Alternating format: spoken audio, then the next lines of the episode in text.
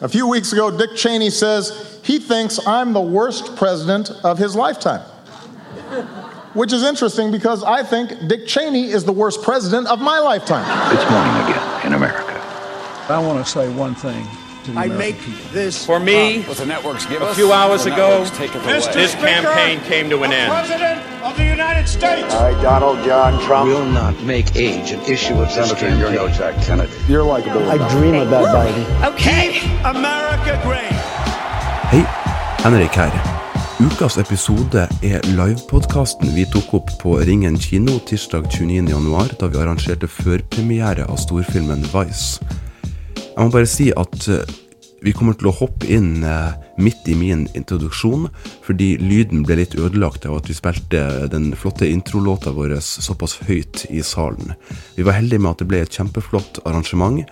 Veldig mange som deltok, det setter vi veldig pris på. Til og med patrions, det er veldig flott. Nå skal dere få høre det liveopptaket, så kan dere gå inn på amerikanskpolitikk.no for å lese mine, Vårin og Are sine tanker om filmen. Mitt navn er Henrik Østensen Heldal, kommentator på amerikanskpolitikk.no. Med meg har jeg medkommentator Vårin Alme. Hallo. Redaktør av amerikanskpolitikk.no, Are Togvold Flaten. Hei, hei. Og førsteamanuensis ved Bjørknes høgskole, Hilde Restad. God dag, god dag. Takk for det. Dette blir en slags eh, kickoff for podkasten 2020. Vi håper at dere følger med på den fremover. Først og fremst takk til SF Studios for samarbeidet rundt dette arrangementet. Tusen takk til alle som har kommet for å se på, og takk også til, eh, med en ekstra takk til de som støtter oss på Patrion. Podkasten 2020 finner du i din podkast-app, og vi kan støttes på patrion.com ampol. Vi skal hovedsakelig snakke om Dick Cheney, men vi skal selvfølgelig være innom litt, uh, litt mer uh, litt nyheter også. Vi skal ikke selvfølgelig ha noen spoilers om uh, filmen for de som har, som har sett den. Men vi må bare minne på før vi er i gang, at det som sies her, tas opp og gis ut som en egen episode av podkasten. Sannsynligvis så tidlig som i morgen. Men først, det har vært en travel uke i amerikansk politikk. Og Are først. Hva er det du har fulgt med på mest siden forrige episode? Ja, det har jo vært uh, mye snakk om uh, Bernie Sanders' mulige exploratory committee, som er et lite formelt steg før man kunngjør sitt presidentkandidatur. Man har ikke gjort det enda. Så var det en nyhetssak som kom på fredag, så vi venter vel fortsatt på det. Svaret på det de fleste tror de vet svaret på, og at Bernie Sanders kom til å stille som presidentkandidat. Og Camela Harris, som da er senator fra California, som har uh, kunngjort sitt kandidatur, som da holdt en stor tale i Oakland i California foran 20 000 mennesker. Og uh, hun passet da på å sitere RFK uh, i den talen. Eh, hans begrunnelse for hvorfor han stilte mot LBJ, viktigheten av det. Eh, mens pressedekningen da har passet på å påpeke at hun hadde mer enn 20 000 mennesker, som da var mer enn det Obama hadde på sin kunngjøringstale i 2007, bare for å fullføre den linken mellom Men ikke mer, ikke mer enn det Trump hadde på sin innsettelse? Ingen har hatt mer enn Trump hadde på sin innsettelse. Uh, så, eh, men det var en, en stor tale, og hun er jo en av forhåndsfavorittene. Og har jo da i hvert fall teamet rundt seg til å bygge opp og få disse presseskriveriene som da fortsetter å holde den hypen gående. Ja, det som er det som er mest nevneverdig akkurat i kveld, er jo at det skulle egentlig vært State of the Union-tale i kveld. Det skal det jo ikke være. Det har jo vært en slags sånn eh, penismålerkonkurranse mellom Nancy Pelosi og Donald Trump på, eh, rundt shutdown. Hva man får lov til å gjøre med hun som ikke fikk lov, tydeligvis, i, for, å få en betalt reise til Afghanistan. Og så fikk ikke han lov til å komme inn i huset og holde eh, State of the Union. Jeg syns det er en befrielse, for State of the Union er jo som regel en gørrkjedelig tale som varer altfor lenge. Spesielt Donald Trumps taler varer jo som regel ca. dobbelt så lang tid som det en tale trenger å vare. For min del så kan vi egentlig bare holde, holde gående. Ny shutdown 15.2, så slipper vi alle de dustete formalitetene. Ja, men så må man jo også se det i et litt større bilde, tenker jeg da. Og, og, vi som tenkte at man nå fikk en ganske ny realitet med demokratene som vant flertallet i huset, uh, har jo så langt fått rett. I og med at Nancy Pelosi har gjort det til et uh, selv om det ble ganske smålig, også høypolitisk spill om rundt shutdown og rundt State of the Union og rundt egentlig hvem som har makten, uh, og hvem som er den beste forhandleren og det har jo blitt en sånn slags ydmykelse, tenker jeg, for, for Trump. Så langt, i hvert fall. Ja, Hilde, for å få deg med på det òg, har du fått med deg noe om nyhetene den siste uka om tidligere Starbucks-CEO Howard Schultz? Han har jo meldt at han har lyst til å stille som kandidat, muligens, og da som en sentrumsorientert, uh, uavhengig kandidat. Ja, det er litt interessant at, det, at, Howard Schultz tror at det er helt nytt at en milliardær som driver en business, skal bare komme inn og ta presidentnominasjonen og bli president. Det har jo ikke skjedd før i det hele tatt. Men han, jo, han, annonserte jo på Twitter og fikk jo sånn universell fordømmelse fra høyre og venstre. Så det, hittil så går det ikke så veldig bra for, for uh, Starbucks som president. Men uh, hvis han skulle stille uh, som en ekte tredjepartikandidat For det er jo det han sier. Han sier jo ikke at han skal prøve å vinne nominasjonen i Det demokratiske partiet, som visstnok er det partiet han tilhører. Hvis han stiller som tredjepartikandidat, så er jo det veldig dårlig nytt for demokratene. Da vil antageligvis Men det her er jo grunnen til at det er vanskelig å stille som uavhengig. at alle fra begge sidene kommer og prøver å ødelegge kandidaturet ditt med en gang og si at du kommer til å ødelegge for den demok demokratiske kandidaten, eller hvis det er republikaner, du kommer til å ødelegge for republikaneren. Så det vinduet er jo veldig lite, men er det, ser vi noe mer sjanse nå enn et tidligere år til å få en sånn uavhengig mann inn, eller kvinne? Jeg tror ikke det, hvis, hvis målet er å bli president. Og så syns jeg det var veldig han sier at han skal stille for, uh, for, Amerika, for amerikanere. Og så var det mange som påpekte at logoen hans var navnet med signaturen av navnet over navnet. Så det er jo en eh, fokus Han kommer ut med en bok, sånn som alle potensielle presidentkandidater gjør, med en helt forferdelig tittel som gjør at du ikke har lyst til å kjøpe boka. Men også for Howard Schultz, som har så mye penger, så funker det tydeligvis som en strategi for å få disse presseskriveriene gående. Uh, det kan være en elaborat bokturné. Ja, han kan uh, være veldig fornøyd med den boka, men jeg tror ikke det Men altså, det er jo en grunn til at både Donald Trump og også Bernie Sanders valgte å forankre sitt kandidatur i begge partiene. Sant? Så begge disse to har jo vurdert uavhengige kandidatur og funnet ut at det er kanskje ikke veien å gå. Orsker vi Starbucks for president? Jeg, bare, jeg vet ikke. det vil være mange gode memes rundt Starbucks og folk som uh, jeg ville ikke jobba på Starbucks rundt den tida, blitt kjefta opp av en sint demokrat f.eks. Uh, eh, når du bare vil servere noen kaffe. Nei, Særlig ikke når den demokraten er Elizabeth Warren. Kommer inn og kjefter på sin lokale Starbucks. Uh, men vi skal flytte oss over til Dick Cheney. Richard Bruce Cheney, som er mannen vi uh, skal se film om i dag. Som i, gikk helt fra fjellstaten Wyoming til flere jobber i Det hvite hus over en lang periode. Hovedsakelig for oss så er han jo kjent som visepresidenten til um, Eller ifølge Obama presidenten til Bush, og den som trakk i trådene spesielt rundt Irak-krigen. Men Hilde han hadde en lang fartstid før det. Og uh, han uh, har vært bl.a. forsvarsminister under, under George Bush.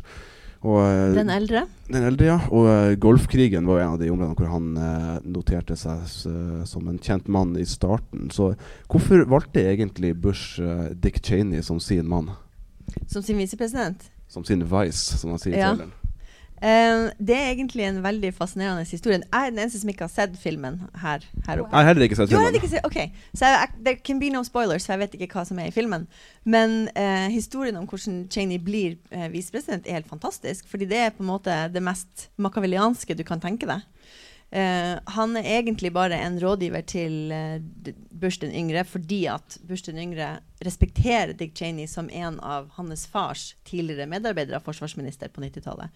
Um, men fordi at han er CEO av Halli uh, Halliburton, uh, så syns ikke Dick Cheney det passer seg å ha noen veldig sånn offisiell rolle, for han blir egentlig tilbudt rollen som uh, direktøren for hele valgkampen.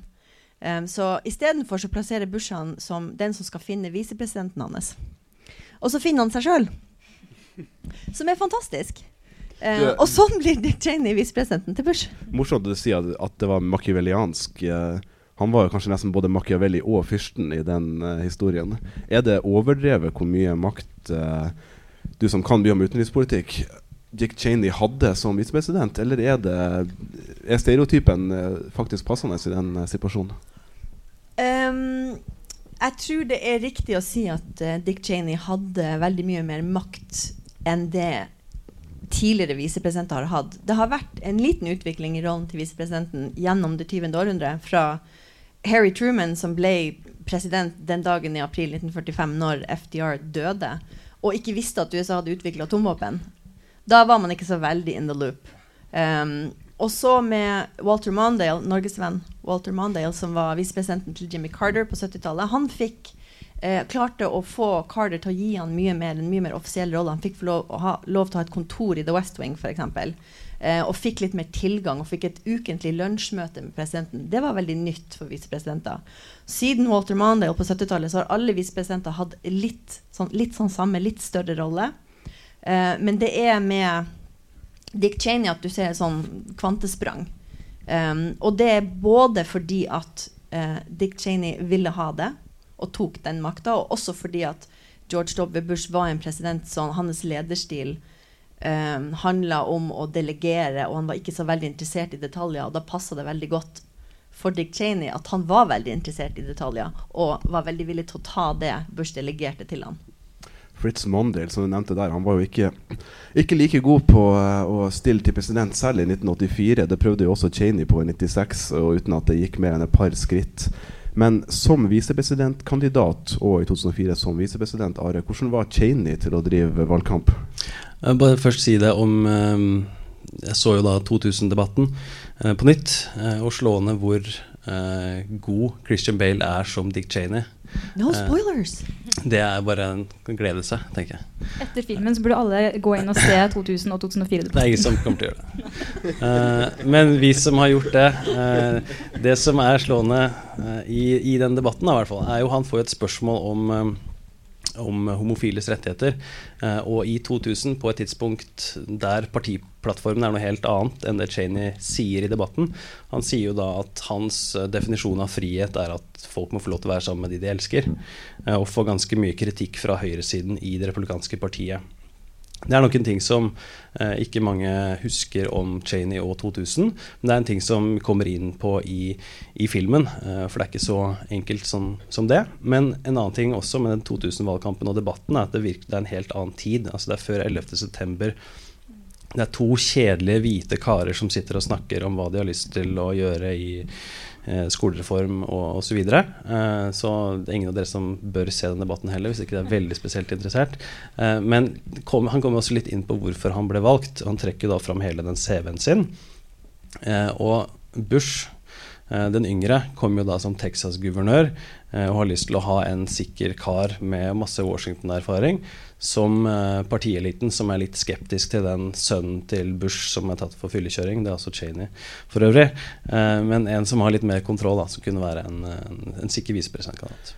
Ja, skal jo sies at um, jeg har sett visepresidentdebatten i 2004 noen ganger også. og det vil jeg si er et av Cheney sine, for å være en mann som ikke var så god på den praktiske politikken. Uh, rundt valg var et av hans store øyeblikk, hvor um, John Edwards, uh, visepresidentkandidaten til John Kerry, da skulle som en tidligere aktor prosedere hele saken om hvorfor Irak-krigen var feil krig på feil tidspunkt, til, uh, til Dick Cheney, og egentlig bare avsløre hele krigen og hvorfor det var gjort på feil grunnlag.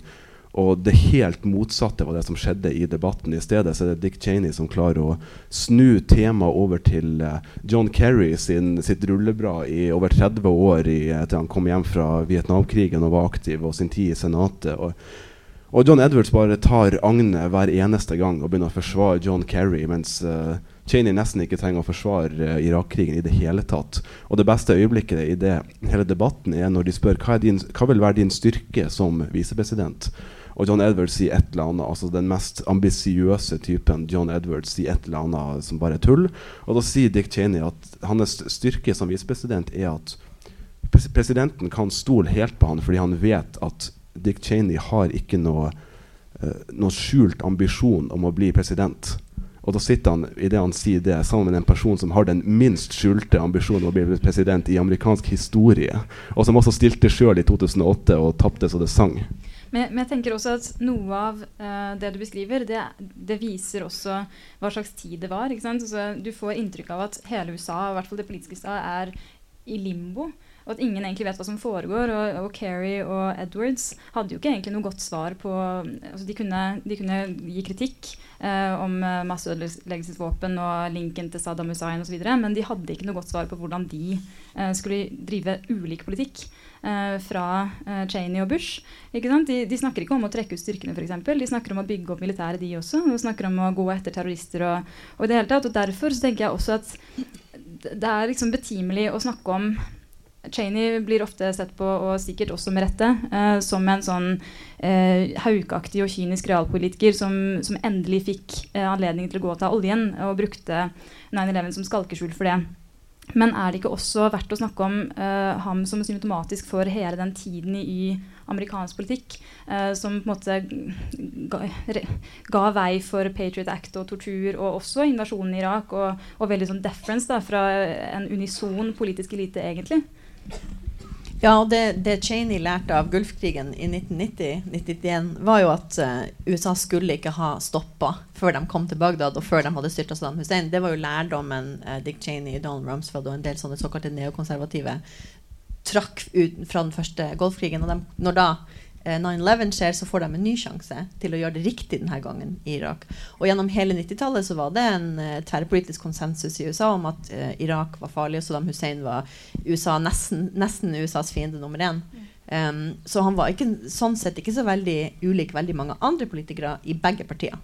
Det er jo ironisk at Cheney sitter etter Golfkrigen og forsvare hvorfor de ikke gikk inn i, uh, ikke gikk inn i Bagdad for å ta ut Saddam Hussein. Da sier han det at da hadde vi bare blitt fastlåst der, og hva skulle vi gjort etter at vi hadde felt Saddam Hussein? Skulle vi, uh, skulle vi ha fortsatt inn i landet? Hvordan skulle vi bygd en st stabil statsapparat der? Og det ville vært umulig. Og, sånn, og så skal se man hva som skjedde ti år etterpå.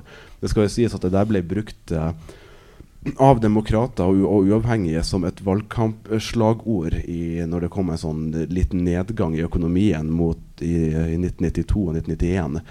Når Bush senior stilte på nytt igjen, så, så var det et sånn valgkampslagord som var Saddam Hussein still has, still has his job, do you? Mange hadde mista sine jobber. Men som du sier, det snudde jo i løpet av de, det tiåret som fulgte. Men uh, vi må ikke gi oss helt ennå med, med spørsmål om uh, om Dick Cheney. Are, Are, hva er egentlig arven vi sitter igjen med med Dick Cheney nå? For nå er vi jo litt separert fra hele mannen som var så nært på hovedpulsåret i amerikansk politikk, så nå er det jo mer et fjernt minne i filmformat. Ja, han har vel ikke hatt uh, hjerteattakk på en stund. Uh, og helt bokstavelig talt, arven til Cheney uh, i amerikansk politikk nå er jo Liz Cheney, eh, eldste datter, som er kongresskvinne fra Wyoming, eh, som nå, eh, rett etter eh, ble klart i, i november, eh, har vunnet en lederskapsrolle i Huset, Representantenes hus, er nå nummer tre i det republikanske lederskapet. Uh, selv om hun har vært i Kongressen i veldig kort tid, uh, så tyder det på at Cheney-navnet er viktig i partiet, og at hun har gått stegene veldig fort. Uh, og Hvis du ser på stemmegivningen til, uh, til, Liz Cheney, så er det jo da 95% cirka av det Trump har uh, gått inn for, har hun også stemt for. Men det er tilsvarende som ganske mange av hennes partifeller. Hun er ikke veldig mye mer konservativ enn det de ulike modellene peker i retning av. Hvis vi ser på Trumps seiersmargin i Wyoming i 2016, så, så, bør en representant for delstaten stemme, sånn som Liz Cheney har gjort. Uh, men det er helt klart en person som uh, har en fremtid i partiet. Men Kan vi trekke noen paralleller fra, uh, fra tida under Dick Cheney til dit det republikanske partiet har utvikla seg til i dag? Ja, altså, jeg må innrømme at jeg, jeg klarte ikke helt, særlig da jeg leste meg opp på dette her, altså klarte ikke helt å forene um, Dick Cheneys stemmegivning over da seks forskjellige perioder som kongressmann fra Wyoming, som var ekstremt konservativ. Han stemte jo bl.a. for å holde Nelson Mandela i fengsel fordi han var terrorist. Altså Det var liksom en sånn eh, virkelig ekstrem uh, rulleblad på stemmegivning. Um, men så, så frontet han jo en slags, eller det de faktisk kalte compassionate conservatism, der han og Bush uh, alltid nevnte social security, Medicare, public education og, og rebuilding using our military for peace. Um, så, så, jeg er ikke helt sikker på hvordan han nå uh, står i forhold til f.eks. en som Trump. Holder det at Trump uh, er for å kutte skatter, eller der er jeg usikker. Men Trumps utenrikspolitiske agenda er på en måte en slags total av, avvisning av den neokonservative agendaen og den veldig ekspansive ideen om at USA skal ut i verden og demokratisere land og um, ikke minst bekjempe ondskap, som jo var det uh, Bush sa etter 9-11. Um, så, sånn sett så har man det, det, er mange selvfølgelig, det er mange av de samme folkene, og det, det er mye kontinuitet, men i sånn utenrikspolitisk strategi så har du en total helomvending fra Bush-årene til eh, Trump-årene. Så man ser to veldig forskjellige eh, utenrikspolitiske agendaer. Ja, Trump har jo nevnt sånne neokonservative som det han ikke ønsker å stå for, sa han jo i, i, valgkampen. Man kan vel kanskje argumentere for at Irak-invasjonen på mange måter hadde motsatt effekt av det man som var meninga om å avskrekke såkalte rogue states fra å, å, skaffe atomvåpen. Og sånne stater heller fant ut at det var i deres insentiv, og, eh, eller de fikk mer insentiv til å anskaffe sånne våpen eh, når man så hvor aggressivt USA var hvis man ville beskytte seg selv. Ja, så kan man også argumentere for at Irak-krigen eh, egentlig bare økte rollen og makta til Iran, som jo er Trump sin store eh, fiendebilde i Midtøsten. Um, så Trump har mange ganger identifisert eh, ting som skjedde i Bush-årene, som på en måte alt som er feil med amerikansk utenrikspolitikk.